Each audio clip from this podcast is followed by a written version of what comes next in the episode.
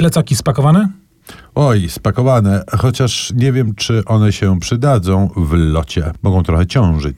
No tak, bo zgodnie z zapowiedzią przystępujemy do naszej piątki takiej przewodnikowej. Proponujemy podróże, pięć podróży do pięciu różnych kierunków y, fantastycznych i zaczniemy od krainy, od wyspy, położonej nie do końca wiadomo gdzie, ale dość daleko. Trzeba tam lecieć, najlepiej przy pomocy specjalnego proszku magicznego, który można uzyskać najlepiej od mieszkających w tym miejscu wróżek i jak już tam dolecimy, to trafimy do miejsca zwanego Nibylandią. A my namawiamy Państwa z całą stanowczością i z pełną świadomością tego, że mówimy do słuchaczy przede wszystkim dorosłych, do powrotu do książki, która nosi w najnowszym przykładzie Michała Rusinka tytuł Piotruś Pan i Wendy e, Jamesa Matthew Barriego, bo Nibylandia, która tak naprawdę chyba nie przestała nam towarzyszyć ani przez sekundę dzięki temu, że masę adaptacji najróżniejszych, masę przeróbek, w tym książkowych, masę komiksów, ale ta Nibylandia prawdziwa, oryginalna jest troszeczkę zapomniana. I myślę, ja myślę, że ona jest zapomniana, znaczy nie wiem czy zapomniana, ale mniej znana jednak w, dla polskiego czytelnika. Mam wrażenie, że Piotruś Pan jednak nie jest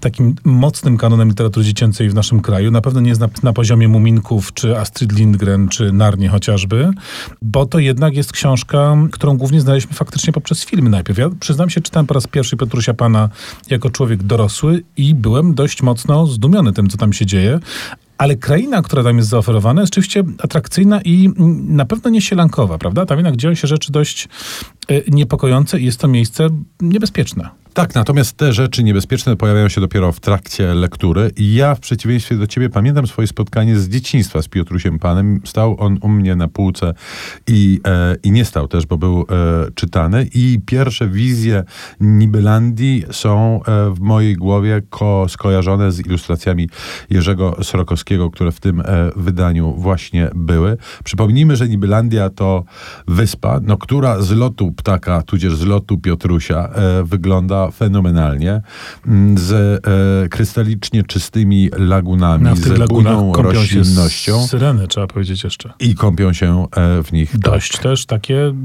figlarne.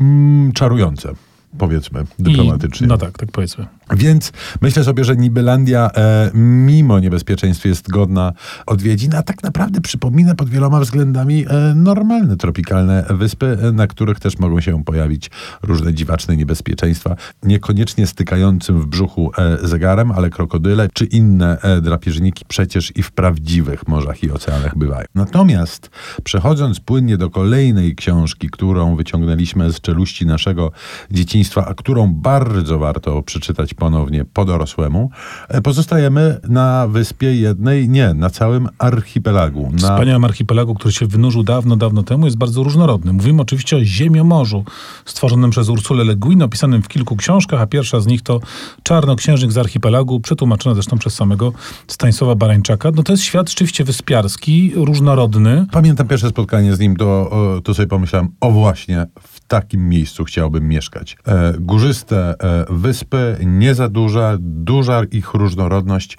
i pomiędzy no nimi Właśnie, bo one są, to jest jak, jak, Indonezja, one są bardzo różne, prawda? Mamy tam Gond, z którego pochodzi główny bohater e, tej historii. Mamy Rokę, na której znajduje się szkoła e, e, czarnoksiężników.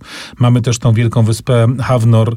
No i generalnie są też takie dalsze jakieś obszary, gdzie grasują smoki na przykład. I są też ci piraci, którzy, taki naród łupieszczy, który tam grasuje. Generalnie rzecz biorąc, jest to bardzo interesujące miejsce.